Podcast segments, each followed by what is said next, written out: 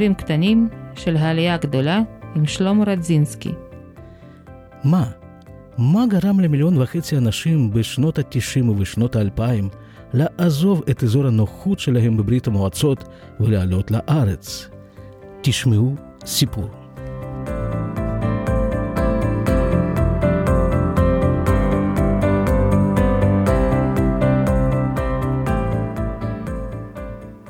שלום למאזינים היקרים, היום אני מראיין את רב אברהם פלקס. שלום.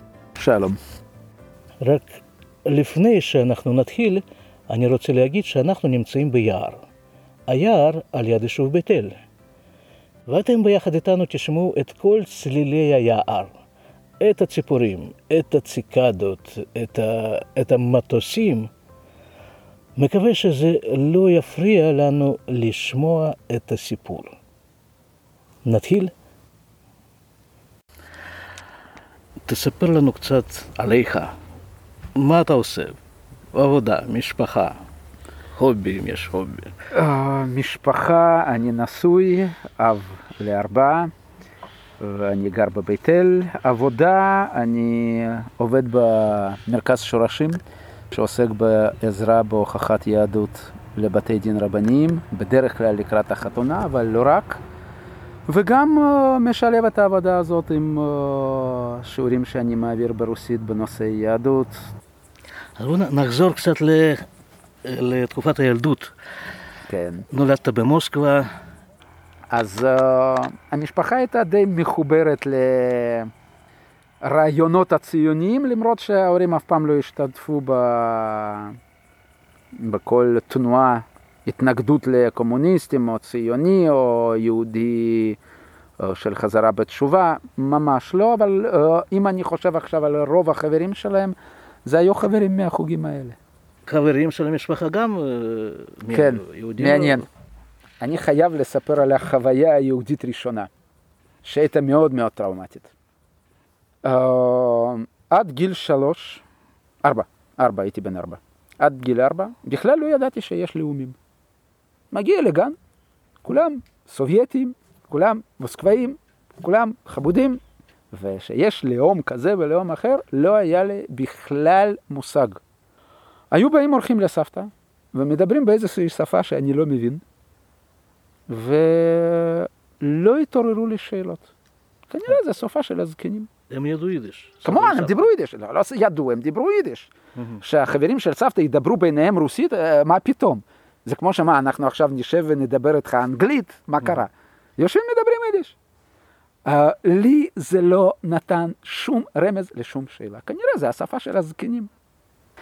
יום אחד הם ככה יושבים ומדברים, החברים שלה מהעיירה שהיא גדלה בה, ואימא ואבא היו בבית, ובינתיים החברים של סבתא יושבים מדברים איתם, מדברים יידיש, אבא ואימא פורסים שולחן וכן הלאה. ובאיזשהו שלב אבא ואימא מצטרפים לשולחן. אבא ואימא זה כבר דור שיידיש זה כבר לא שפתם.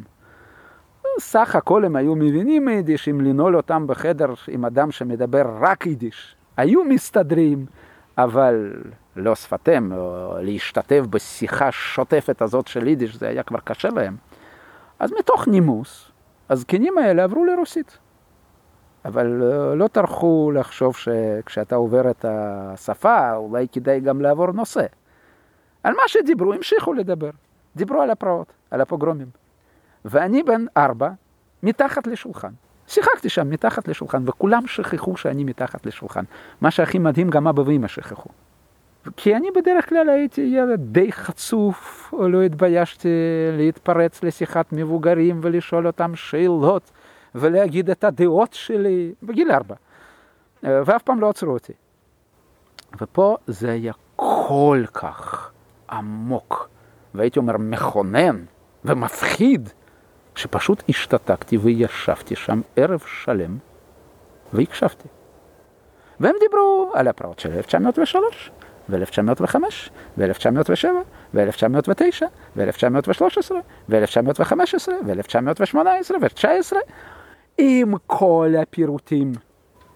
את מי רצחו, ומתי רצחו, ואיך רצחו, ומי ברח, ומי ברח ליער, ומי הסתתר במרתף. ומי הסתתר במרתף, ש... במרתף של הכומר, ומי הסתתר במרתף של ראש העיירה. אז הם זכרו את זה. הם זכרו מצוין. אה, זה היה בזמנם, זה, הם ראו את זה. בוודאי. נגיד סבתא שלי הייתה ילדה ונערה בתקופה הזאת, היו שם חברים שנגיד סבתא הייתה בת עשר, אז החברה הייתה בת חמש עשרה. אז היא זכרה איך הקוזק רצח את דוד שלה ואיך בדיוק הוא הכניס לו את הכידון לתוך הגרון. אז, אה, ואני בן ארבע, יושב שם מתחת לשולחן, והם מדברים חופשי, נזכרים בכל. אה, אה, נו בטח, אתם, אה, ראש העיירה הסתיר אתכם. וכן, בטח, אתם רב העיר וסוחרי גילדה הראשונה. בוודאי, ראש העיירה הסתיר אתכם. ואנחנו פשוט העם, אבא שלי היה בעל מלון. מי, מי יכניס אותו הביתה? אנחנו רצנו ליער, וכן הלאה. והשיחה הזאת, אני יושב שם, שותק ומקשיב. וכולם שכחו שאני מתחת לשולחן. והאורחים האלה של סבתא יצאו, אני יצאתי מתחת לשולחן, ותקפתי את אמא עם השאלות, מי זה יהודים, מי זה קוזקים, מי זה אוקראינים, למה צריך להרוג? ואני זוכר, אני זוכר את הפנים של אמא, איך שהן ממש משתנות ככה מרגע לרגע, והיא מסמיקה ומחבירה והבאת הפנים משתנה, והיא לא יודעת מה לענות לי. ואז, בשפה של ילד בן ארבע, היא הסבירה לי שיש חבר העמים, שיש אחוות העמים המיוחדת וכלפי יהודים קל וחומר. ושאנחנו יהודים, ושכן יש שנאת היהודים, ושיש שנאת עם ישראל ויש אנטישמיות, והיו פרעות, והוסיפה משפט שהוא מאוד מאוד מעודד, אבל כיום כבר אין דברים כאלה. היום כבר אין דבר כזה. Uh, לא כל כך שכנע אותי שכיום כבר אין דבר כזה. Uh, לא כל כך הרגיע אותי שהיום זה לא קורה.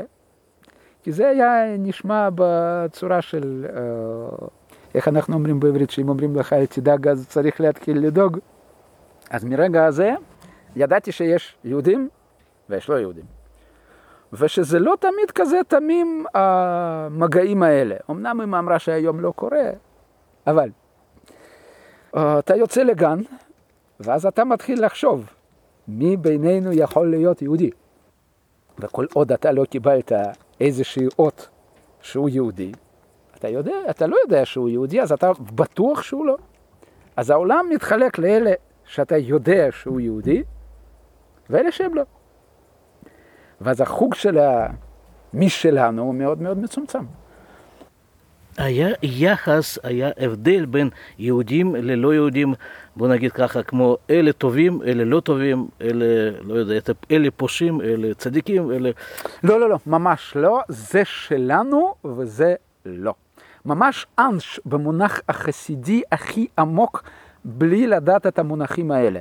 אני זוכר את סבא שלי ש... אנש זה אנשי שלומנו. בדיוק, בדיוק. אז uh, למשל סבא שלי, אם הוא היה שומע שיהודי שהוא מנהל מחלקה באיזשהו מפעל, לא קיבל לעבודה יהודי אחר ששלחו אליו, בוא תקבל אותו לעבודה, והוא לא קיבל אותו. סבא היה רותח. איך זה יכול להיות? הוא יהודי והוא לא קיבל את היהודי לעבודה. על זה גם uh, uh, גדלתי. יהודי חייב לעזור ליהודי. אין דבר כזה שלא לעזור ליהודי. מה זה אין דבר כזה? שברור שזה קורה, אבל כשזה קורה זה ביזיון, זה נורא ואיום, זה, זה אח שלך. אמנם אח קצת רחוק, אבל זה אח שלך. ובמשפחה, כמו במשפחה, במשפחה גם, גם רבים, גם צועקים, גם uh, יש יחסים יפים, יש יחסים מכוערים, אבל זה משפחה. גם כשאתה רב עם uh, בן דוד, הוא נשאר בן דוד. ברחוב רק פעם אחת אני נתקלתי באירוע אנטישמי, נקרא לזה ככה. הייתי בן חמש והלכתי עם אבא שלי לחנות ירקות, ועמדנו בתור לקנות תפוחי אדמה. ועומדים בתור, ואישה די מבוגרת בתור מתחילה לספר עד כמה היא שונאת יהודים, וכשהיא הייתה ילדה בתקופת מלחמת העולם השנייה, היא זוכרת איך יהודים לא לחמו, איך יהודים היו חיים חיים מאושרים, והיא הייתה רעבה, ויהודים לידה יכלו לשובע, וכן הלאה. והיא ככה עומדת ומדברת ומדברת, וכל התור, עוד פעם, תור מוסקבאי, עומדים ומקשיבים לה, בלי לעודד ובלי לסתור את הדברים שלה. ואבא שלי עומד ועומד ועומד, ופתאום, אה, אני לא יודע כמה דקות עברו, חמש דקות, ארבע דקות, משהו כזה, לא יותר מזה. פתאום אומר, בשפה לא הכי עדינה ובטונים די קשוחים, נו, זקנה, אני יהודון. נו, אז תספרי לי, תספרי לי, איך אבא שלי לא לחם מסטלינגרד ועד ברלין. נו, תספרי לי איך אני לא הייתי רעב, שאני כבר הייתי מנופח מרעב בפינוי בטומסק בסיביר. נו, תספרי לי איך יהודים חיו חיים טובים. אני יהודון, תספרי לי. ואני ככה מושך אותו בשרוול, אבא, בשביל מה? היא לא פונה אליך, מה, מה, אתה, מה אתה עושה? סתום. וממשיך איתה, כולל ביטויים, נגיד ככה, לא הכי עדינים. אה, נו, את רוצה לדבר על היהודים? נו, בואי נדבר. ואז הזקנה הזאת פשוט יוצאת מהתור ויוצאת מהחנות, והתור עומד כמו שהם עמדו. ואבא אומר להם מול כולם, ותזכור, אם מישהו מתחיל לדבר נגד יהודים, אתה לא שותק. לא ניתן להם את התענוג הזה, כי הם מתרגלים. והתור עומד. ואני הבנתי אז, גם למה אני זוכר את זה, כי בסופו של דבר אבא התערב מאיזושהי זקנה מטופשת. שאותו תור שככה עמד, אני עד היום לא יודע מי היה באיזה דעה. מי היה שם אנטישמי? מי שם חשב שאנטישמיות זה מנוול? לא יודע. הם עמדו עם פוקר פייס, מול העיניים האלה אפשר לרצוח, אפשר לקלל, אפשר להרביץ, אפשר לרצוח יהודי, אפשר לרצוח אנטישמי. הם לא התערבו, לא מעניין אותם. הם נשמרו על פוקר פייס, ומה אכפת לי ממך ומה אכפת לכם ממני? Uh, אז בחוץ אתה לא יודע מי זה, אז uh, איך היום זה החזקה עליו, שהוא לא יהודי, אם זה ברחוב במוסקבה. זה לא ברדיצ'ב. אם זה בחוגים של ההורים שלך, אז החזקה עליו שהוא יהודי, כל עוד זה לא הוכח אחרת. עכשיו בסדר, הילדות, בית ספר, יאללה. כן. אוניברסיטה. אוניברסיטה זה גם שלב טיפ, טיפה טראומטי, בערך מכיתה ז'-ח' התחילו ההורים, אימא במיוחד, אבא פחות, אימא במיוחד, להסביר לי שתשמע, לא כל המקומות להשכלה גבוהה הם בדיוק בשבילך. מקומות כמו אוניברסיטה, מכון לשפות זרות, מכון ליחסים בינלאומיים וכן הלאה, תשכח על זה, לא שייך, לא תתקבל לשם. ומה שפתוח לפנינו זה, אנחנו קוראים לזה בתי כנסת, ותחשוב, המכון לכימיה, המכון להנדסת רחובות, המכון להנדסת רכבות, המכון לפלדה, המכון לתעשיית נפט, מה בדיוק ואיפה בדיוק? כאילו, תחליט, אבל אל תחלום על האירונאוטיקה. לא קיבלו יהודים לפקולטות אה, יוקרתיות. בדיוק באותם שנים זה אין סיכוי, ו... ובעצם הרגילו אותי לזה עוד מכיתה ז', שלא יהיו אכזבות מיותרות, ואני הולך להיבחן ו... ולהיכשל. אז ככה הגעתי למכון לפלדה במוסקבה. וזה נקטע די, אה, די באכזריות, אותם שנים שגייסו סטודנטים לצבא. גויסתי לצבא, וזה היה אירוע מאוד מאוד טראומטי. סטודנט מוסקבאי, יהודי, זה, זה יותר מדי. סטודנט מוסקבאי יהודי נכנס לצבא הרוסי. כן. שאחד מזה, אחד משלושת הצירופים האלה זה כבר uh, מריח לא טוב. הגזמת. בדיוק, אבל של, שלושה האלה זה כבר, uh, זה לא יעבור. Uh, מצד אחד, אני זוכר איך שאני הגעתי מ... אחרי, נקרא לזה טירונות, לבסיס, והמ"פ ככה עובר את השורות ומסתכל עליי ואומר, או, פלקס, יהודי. ואני אוקראיני. אוקראיני נולד, יהודי בכה, תשרת אצלי. זו פעם הראשונה שאני נפגשתי עם אנטישמיות גלויה, בוטה, שאפילו לא מנסים, לא מנסים להסתיר אותה. זה היה בצבא. מצד השני כן נפגשתי עם האחווה היהודית אמיתית. היינו סך הכל שלושה יהודים בבסיס, היינו עוזרים אחד לשני בכל מה שאפשר uh, עד הסוף, ובאמת הייתה עזרה יהודית בלתי רגילה. וכמובן זה השנים ש... שהצבא הרוסי היה בנוי על פזם, על פזם? ה... פזם, ותק, פר... פרק זמן. אז uh, השנה הראשונה זה תוכנית הישרדות זה קטן, הישרדות פיזית אמיתית, פשוט לשרוד. שנה שנייה זה הישרדות, הייתי אומר, רוחנית, להישאר בן אדם, לשמור על צלם אנוש, לא להפוך לחיית טרף. ושם בצבא בעצם, אני קורא לזה חזרתי בתשובה. מהאתאיסט הרגיל, הסובייטי, הפכתי לאיש מאמין. בצבא. בצבא. בצבא אני אפילו זוכר את הלילה איך זה קרה, זה סך הכל בערך חודש וחצי אחרי שהתגייסתי, אגב חודש אלול, ושמירות לילה, בעצם שמירות, ולילה, יער, שקט, לא ממש יער, אבל מין קרחת יער כזאת, שקט. שעתיים אתה בחוץ, אף אחד לא מפריע לך, אין מה לעשות, המחשבות ככה מסתובבות בראש באופן חופשי, חופשי. נדמה לי שלב גומילוב היה אומר שמקומות כאלה עוזרים לחשוב. אתה עומד, ופתאום מתחילים להיות לך מחשבות על אלוקים. ואתה חושב, כנראה אני מתחיל להשתגע.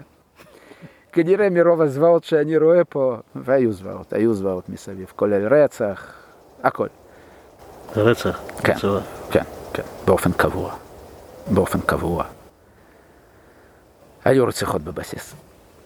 אז אתה מסתכל על זה ואתה חושב, רגע, רגע, רגע, רגע, רגע, אולי מרוב הזוועות שאני רואה מסביב, אולי אני, אולי אני מתחיל להשתגע? ו... אבל המחשבות ממשיכות. אתה מנסה לעשות לעצמך אבחון פסיכיאטרי בסיסי, ואתה אומר, לא, לא נראה לי שהשתגעתי. ו... וככה הגעתי לאמונה ש... שכן, העולם הזה הוא, הוא לא הפקר, שיש מי שמנהיג את הבירה ויש השגחה פרטית, ואז גם איזושהי אמונה מאוד חזקה, אתה תעבור את כל הזוועות האלה. אתה תעבור אותם ואתה לא סתם הגעת לזה.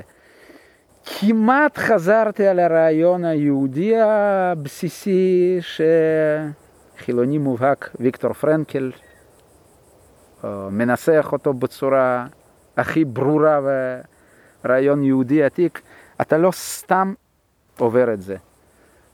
אם אתה נקלט למקום כזה ולזוועות האלה, זה לא סתם. Uh, במונחים שלנו, בלי שפה של פרנקל, הקדוש ברוך הוא שלח אותך לכאן כדי לעבור איזשהו ניסיון, ואם הוא שלחה אותך לכאן, אז סימן שאתה יכול לעבור את זה, ואז תעבור. ואצל פרנקל זה משמעות הסבל. אם אתה צריך לעבור את זה, אז יש לזה משמעות.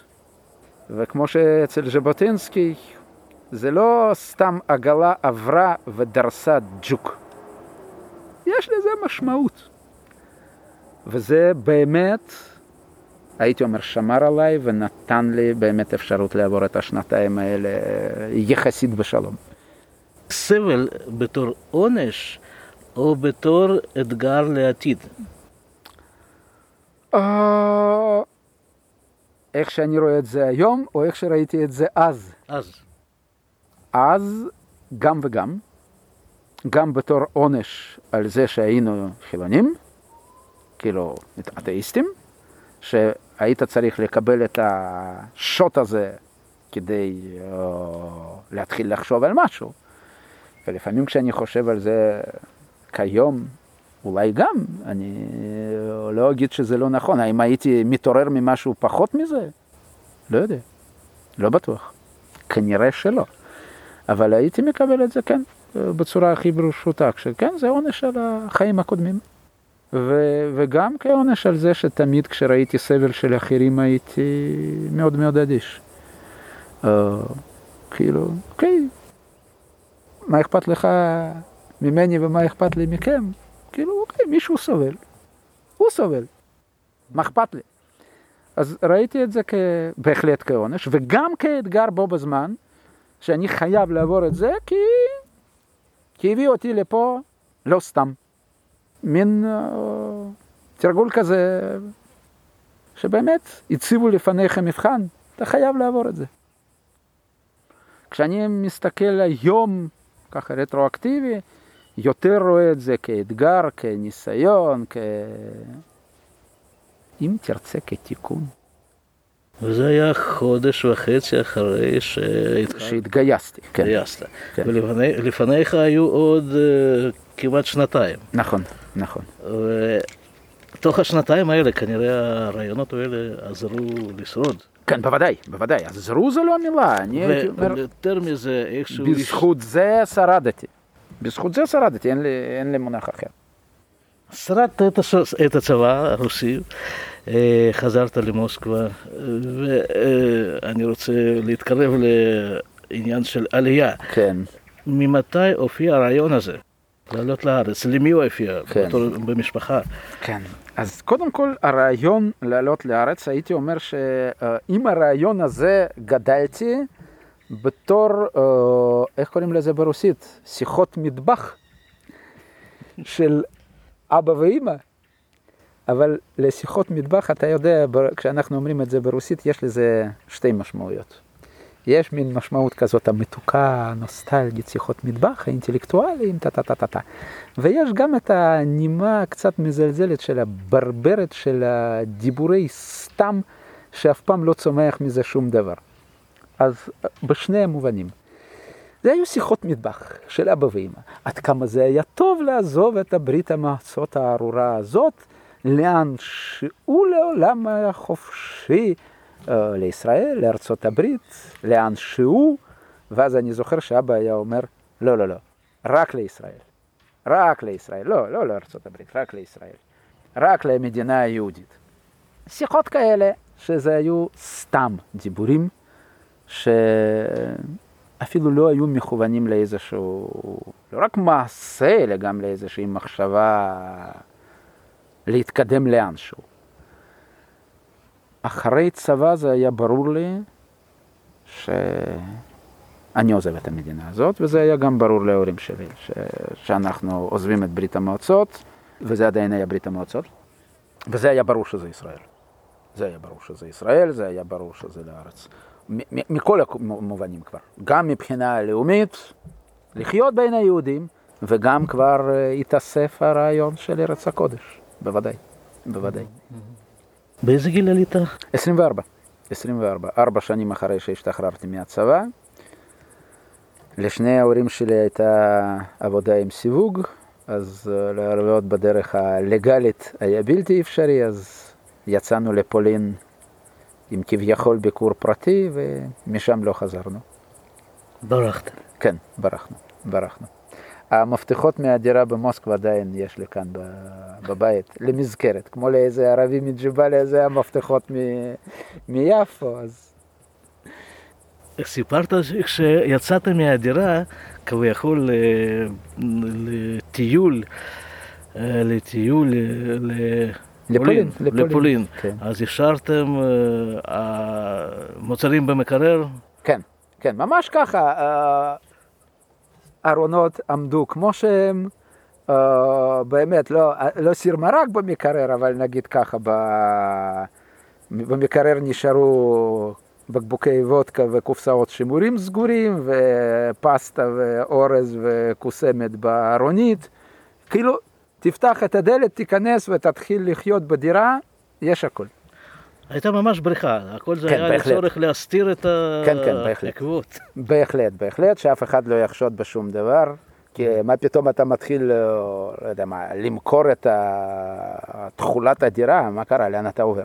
כי בצורה רשמית אה, לא הייתם יכולים... בוודאי, בוודאי, אבא שלי עבד עם, בעבודה עם סיווג גבוה, גם אמא, אז אה, אבא עוד יותר גבוה מאמא. אז זה לא היה שייך, אז לכן כולם היו בטוחים שאנחנו יוצאים לטיול לפולין. הגעתם לפולין. ו... הגענו לפולין וישר מתחנת הרכבת הגענו למשרדי סוכנות, ש... ואמרנו שאנחנו ברחנו. ואני חייב להגיד שזה היה גם יחס מאוד מאוד חם, אה, מאוד אה, מרגיע. אה, אני אפילו יכול להגיד את השם של אותה פקידה שאני זוכר עד היום, אולה גורדון, שפגשה אותנו ובהתחלה בכלל לא הבינה, רגע, רגע, למה לא פגשו אתכם? מי היה צריך לפגוש אותם? לא תיאמנו עם אף אחד שום דבר, מה זאת אומרת? ואחרי ככה שיחה קצרה שכללה הוכחת יהדות עם הצגת מסמכים והכל, כשהיא הבינה שמדובר ביהודים, אין לכם מה לדאוג, אתם כבר בבית, והיינו נורא לחוצים, ומה ואיך, ואיך שלטונות פולין ירשו לנו לעזוב לא לכיוון רוסיה וכן הלאה. ואיפה נהיה ומה יהיה, ואם תוך עשרה ימים לא נקבל את האשרות שלנו. אין לכם מה לדאוג, אתם כבר בבית, ברגע שפתחתם את הדלת של הסוכנות אתם כבר בארץ. Uh, בוא נגיד, לא תמיד אופייני לפקידות שלנו, אז היא לא הייתה פקידה, היא הייתה אישיות שבאמת עזרה לרבים, ואנחנו בין הרבים האלה. ובאמת אני אסיר תודה לה ולכל הצוות שהיה אז בוורשה, שבאמת קיבלו אותנו עם זרועות פתוחות והיינו עשרה ימים במין מלונית כזאת שסוכנות פתחה אז בדיוק לעולים שעברו דרך פולין אז לישראל, עוד לא היו טיסות ישירות. וככה ככה הגענו בינואר 92 לארץ. לארץ, משלג לשלג. שלג. כן, שלג הכבד של 92. ומה בארץ? ירדתם מהמטוס, יצאתם מהדלת של המטוס. ו... יצאנו מהדלת של המטוס, אז זה לא היה דלת, אז זה עדיין היה כבש, עוד היינו יורדים על אדמת ארץ ישראל. בכל זאת, לא יודע, לנשק אדמת ארץ ישראל זה היה יותר מדי תיאטרלי, אה, לזה לא הגענו, אבל התנשקנו. התנשקנו אני, אבא ואמא, ממש ככה, במסלול ההמראה, איפה שהמטוס נחת, עמדנו, התנשקנו, נכנסנו פנימה, זה היה בערך עשר בבוקר. הפקידים של משרד הקליטה קיבלו אותנו בסביבות חמש אחרי הצהריים. כן, כן, זה גל העלייה של ינואר 92. ובסוף קיבלנו את ה... את התעודת עולה והמשפט מאוד מעודד, הארץ לפניכם. ורגע, ולאן ומה? המדינה יכולה לעזור לכם ככה, ימים ראשונים שלכם במלון בתל אביב, רק תדעו לכם שזה נורא נורא יקר, אמנם מדינה מסבסדת מחצית, אבל תדעו לכם שהמחצית הזאת, בשבילכם זה בלתי נסבל. המטרה שלכם לצאת כמה שיותר מהר. Uh, מזוודה אחד מתוך שלושה מזוודות שהיו לנו, נגנבה. דווקא עם דברים הכי הכי יקרים, לא יודע במקרה או לא. וזהו, מצד אחד, הלילה הראשון בארץ הגענו לאותה מלונית, הלכנו לסופר הקרוב, קנינו משהו לאכול, ולילה. הלילה הראשון בארץ, מה, ללכת לישון? הלכנו לטייל, והמלון היה רחוב צידון בתל אביב. קרוב לצומת בן יהודה דיזנגוף. לאן נלך? לאן לא משנה, מה, לא משנה לאן. תל אביב, בוא נלך.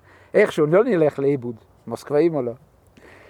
בוא נפנה ימינה, נפנה ימינה. הגענו לירקון, ירדנו לשפת הים, הלכנו על הטיילת עד ליפו. כשנכנסנו כבר אחרי הדולפינריום, פתאום מתחיל יפו, מתחיל להיות, וזה היה בערך 12 בלילה, משהו כזה. כבר פחות, פחות סימפטי. בואו נתחיל לחזור. מתחילים לחזור, הולכים, הולכים, הולכים, מה, נלך עוד פעם ל... ליד הים? בואו נלך קצת ברחובות. אז עלינו לדיזנגוף. מה, כל הזמן ישר על דיזנגוף? משעמם. קצת ככה, סיבובים בין הרחובות. ואז רגע, רגע, בטוח שלא הלכנו לאיבוד? בטוח שזה הכיוון? עקרונית כן, אבל בוא נשאל. ואחד מהמסעדות שכבר נסגרה עומדת בחורה שוטפת רצפה. שאלנו אותה באנגלית, הצומת דיזנגוף, בן יהודה, זה, זה הכיוון. היא אומרת, כן, אבל זה רחוק, אתם צריכים אוטובוס. לא, לא, לא, תודה, רק האם זה הכיוון? לא, זה נורא רחוק, אתם צריכים אוטובוס. תודה, תודה, לא צריך. אם אין לכם כסף, אני אתן לכם. לא, לא, לא, תודה, פשוט אנחנו מטיילים, זה לילה ראשון שלנו בארץ. אה, נו, מזל טוב. יצאנו, המשכנו ללכת, ודיברנו בינינו, ריבונו של עולם, אם אין לכם, אני אתן לכם. היא לא מיליונרית, היא שוטפת רצפה במסעדה אחרי שהיא נסגרה בלילה. אז היא לא מיליונרית. אם אין לכם, אני אתן לכם וואו. זה הזיכרונות הראשונים מה... מהלילה הראשון. Uh, הייתה הרגשה מאוד מאוד חמה, מאוד נעימה. וואי, מה, כולם ברחוב יהודים? וואו, לא יכול להיות. ואחר כך, מה אני אגיד? פגשנו את הכל. פגשנו נוכלים, ופגשנו פקידות יבשה, ופגשנו אחווה יהודית, ופגשנו עזרה יהודית, ופגשנו אנשים שעזרו לאורך כל הדרך, וכאלה שהיו צריכים לעזור לפי תפקידם, ולא עזרו, וכאלה שלא היה להם שום קשר, וכן עזרו, ונתנו תחושה, עוד פעם, עזרו זה לא תמיד עזרו כספית או פיזית, לפעמים סתם חיוך. ולפעמים באמת פיזית, ולפעמים לעזור להסתדר, ולפעמים, ולפעמים סתם. Uh, וגם בתור דוגמה, אני תמיד אוהב את זה כסיפור, אבל זה היה לא לילה ראשון, זה היה יום ראשון שלנו בארץ, היינו צריכים להתקשר, ומי שעדיין זוכר טלפונים ציבוריים עם אסימונים, ובמוסקבה זה היו מטבעות. אז אני מנסה חמש אגורות, לא נכנס. עשר אגורות, לא נכנס. חצי שקל, לא נכנס. שקל, וואו, איזה שוד. גם לא נכנס. אז מה כן נכנס לפה? ועובר איזשהו זקן, שאני גם שואל אותו באנגלית, מה המטבע שצריך להכניס לפה? והוא אומר לי, לא, לא, לא, זה לא מטבע, זה אסימונים, מוציא מהכיס שלושה אסימונים, נותן לי. הוא אומר, הנה, זה אסימון, מכניסים אותו, עקרונית קונים את זה בדואר. הוא אומר, כמה אני צריך לשלם לך? מה, השתגעת? אסימונים? לא, נו, באמת, אני לא רוצה, לא נעים. די, תפסיק. היום אני נתתי לך, לפני 60 שנה מישהו נתן לי, אתה בעוד 60 שנה תיתן למישהו. ברוך הבא, אתה בארץ. Uh, אני חושב שזה הסיסמה. זה באמת הסיסמה, ו... לפחות איך שאני רואה, יכול להיות ש... שאני עדיין קצת תמים, למרות שנדמה לי שכבר מזמן לא. נדמה לי שעדיין בסופו של דבר רובם, רובם בארץ כן חיים לפי הסיסמה הזאת, למרות שיש כבר גם לא מעט ששכחו שזה הסוד של הישרדות של עם ישראל לאורך כל הדורות. יוצא שיש לנו שתי סיסמאות בסיסיות. אחד שהגדרת בהתחלה, מה אכפת לך ממני ומה אכפת אה, לי ממך. לי ממך. נכון. ועכשיו, אחרי שעברתם את הגבול של ישראל והתנשקתם בנמל תעופה, עברתם לחיות לפי הסיסמה של אני נותן לך ואתה נותן לי. כן, כן, כן, בהחלט. בהחלט. בהחלט. בעצם מהיום הראשון בארץ, באמת מהיום הראשון בארץ, הייתה תחושה ש... אבל לא סתם הגענו לפה, אבל לא סתם חיפשנו להיות כאן. הגענו לפה כדי להיות מחוברים.